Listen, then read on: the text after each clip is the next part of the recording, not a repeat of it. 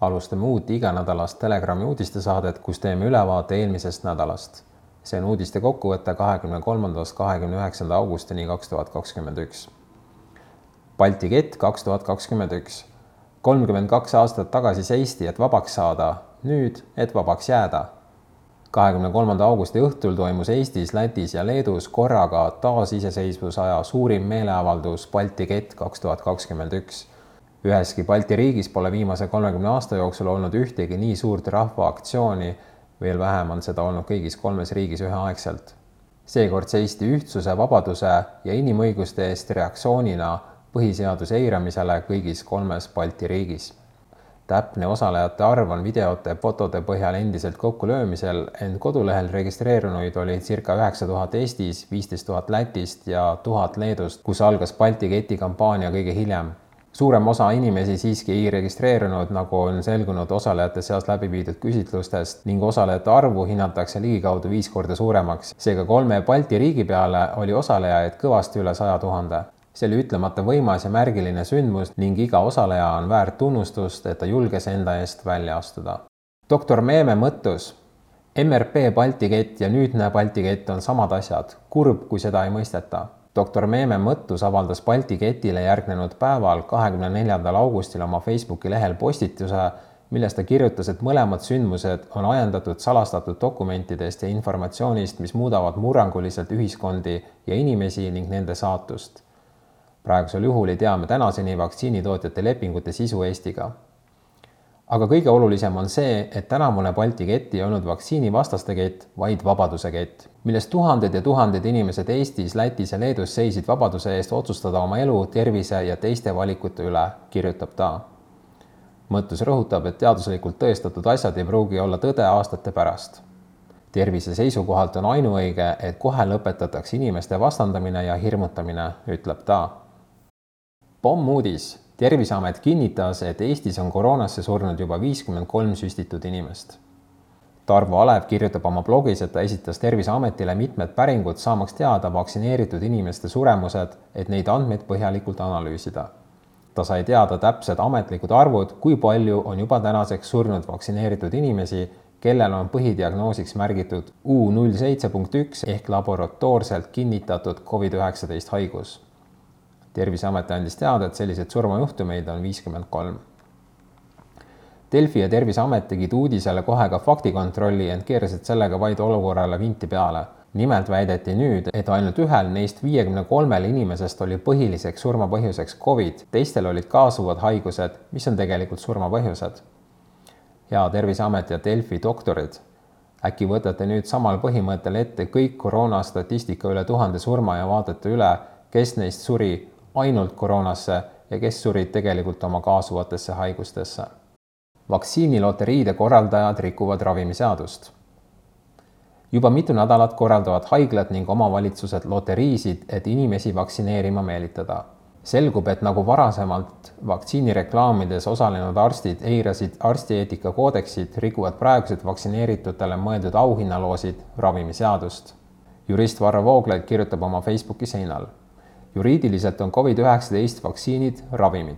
ravimiseaduse paragrahvis kaheksakümmend neli lõige kaheksa on sõnaselgelt kirjutatud, et ravimi väljakirjutamise õigust mitteomavatele isikutele on keelatud anda ravimite näidiseid ning müügiesindusmeetodina müüa või jagada ravimiga seotud esemeid, korraldada ravimiga seotud loosimisi ja loteriisid, pakkuda ravimi ostuga seoses tasuta või allahindlusega ravimeid, muid kaupu või teenuseid keelu mõte on ilmselge, kedagi ei tohiks meelitada mingeid ravimeid tarbima, lähtudes millestki muust kui tervislikust vajadusest. kuidas on selle taustal võimalik, et nii Tallinna linn kui ka PERH korraldavad moblade ja muu nänni loosimisi, et meelitada lapsi laskma endale neid vaktsiine süstida? kas seadused enam üldse ei kehti meie riigis, millega tegeleb Ravimiamet, mis peaks seaduse täitmise üle järelevalvet teostama? Harvardi epidemioloog Michael Mina vaktsineeritute haigestumine kasvab, aga Covid-19 viiruse seljatab lõpuks tihe kokkupuude sellega. väljaandes Intelligencer ilmus intervjuu Harvardi ülikooli nakkushaiguste uuringute keskuse epidemioloogi Michael Minaga, mida millegipärast peavoolumeedia ei kipu levitama. kui niinimetatud vastuvooluteadlased ütlesid juba eelmisel kevadel, et ainult tihe kokkupuude viirusega aitab sellest jagu saada ja sellised seisukohad tembeldati libauudiseks, siis nüüd on seesama seisukoht jõudnud ka peavoolu. intervjuus ütleb Miina kahte mõtlemapanevat ilmselget asja. esiteks on Covid-19 läbimurdejuhtumeid USA-s praegu palju rohkem, kui ametlikult tunnistada tahetakse ja teiseks õnnestub viirus lõpuks seljatada mitte sellega kokkupuute piiramisega, vaid just nimelt loomuliku läbipõdemise teel saadud immuunvastuse tekkimisega. Petitsioon laste ja noorte Covid-19 vaktsineerimise peatamiseks on kogunud üle viieteist tuhande allkirja. MTÜ Laste Tervise ja Heaolu Kaitseks kutsub kõiki üles peatama Covid-19 massvaktsineerimise laste ja noorte peal ning toob välja kümme põhjust, miks öelda ei noortele mõeldud süstile rahvaalgatus.ee platvormil saab sinna oma nime lisada kuni esimese septembrini, seejärel liigub algatus edasi Riigikokku menetlemiseks. deklaratsioonis märgitakse, lapsed ja noored ei saa Covid-19 vaktsiinist kasu, sest nende risk haiguse suhtes on peaaegu olematu. massiline vaktsineerimine ja vaktsiini katsetamine tervete laste peal on seetõttu ebaeetiline lapsi meelitatakse Covid-19 vaktsiini võtma manipuleerivate taktikatega nagu maiustused ja sotsiaalse heakskiitmise sõnumid. nüüdseks on teatatud noorte vaktsineerimisele järgnenud tõsistest kõrvaltoimetest ja surmajuhtumitest, kuid samal ajal on suur ravimitööstus täielikult vastutusest vabastatud. olukord on sünge, biomeditsiini eetikat eiratakse, teadus on surnud, vanematele antakse valeinfot ja neid manipuleeritakse, rikkudes Nürnbergi koodeksit lapsed ohverdatakse suure ravimitööstuse altaril. on aeg teadusliku nõusoleku jaoks. oma allkirja saad lisada siin rahvaalgatus.ee. Balti kett kaks tuhat kakskümmend üks järgne kohtumine Riias arutati Balti Liidu ja Rahvameedia võrgustiku loomist. kahekümne kolmandal augustil Balti kett kaks tuhat kakskümmend üks järel kogunes Riia kesklinnas ligi kolmkümmend inimest, kes aitasid koordineerida käesoleva aasta Balti ketti kaks tundi väidanud koosolekul jagati kogemusi ja muidugi sündmuse muljeid. õhtu jooksul otsustati, et kolme Balti riigi juhtaktivistide vahelisi suhteid tasub hoida ja arendada, et ka edaspidi midagi koos ette võtta. Juhiti tähelepanu vajadusele luua Balti rahvameedia võrgustik, et omavahel uudiseid vahetada ning koostööd teha.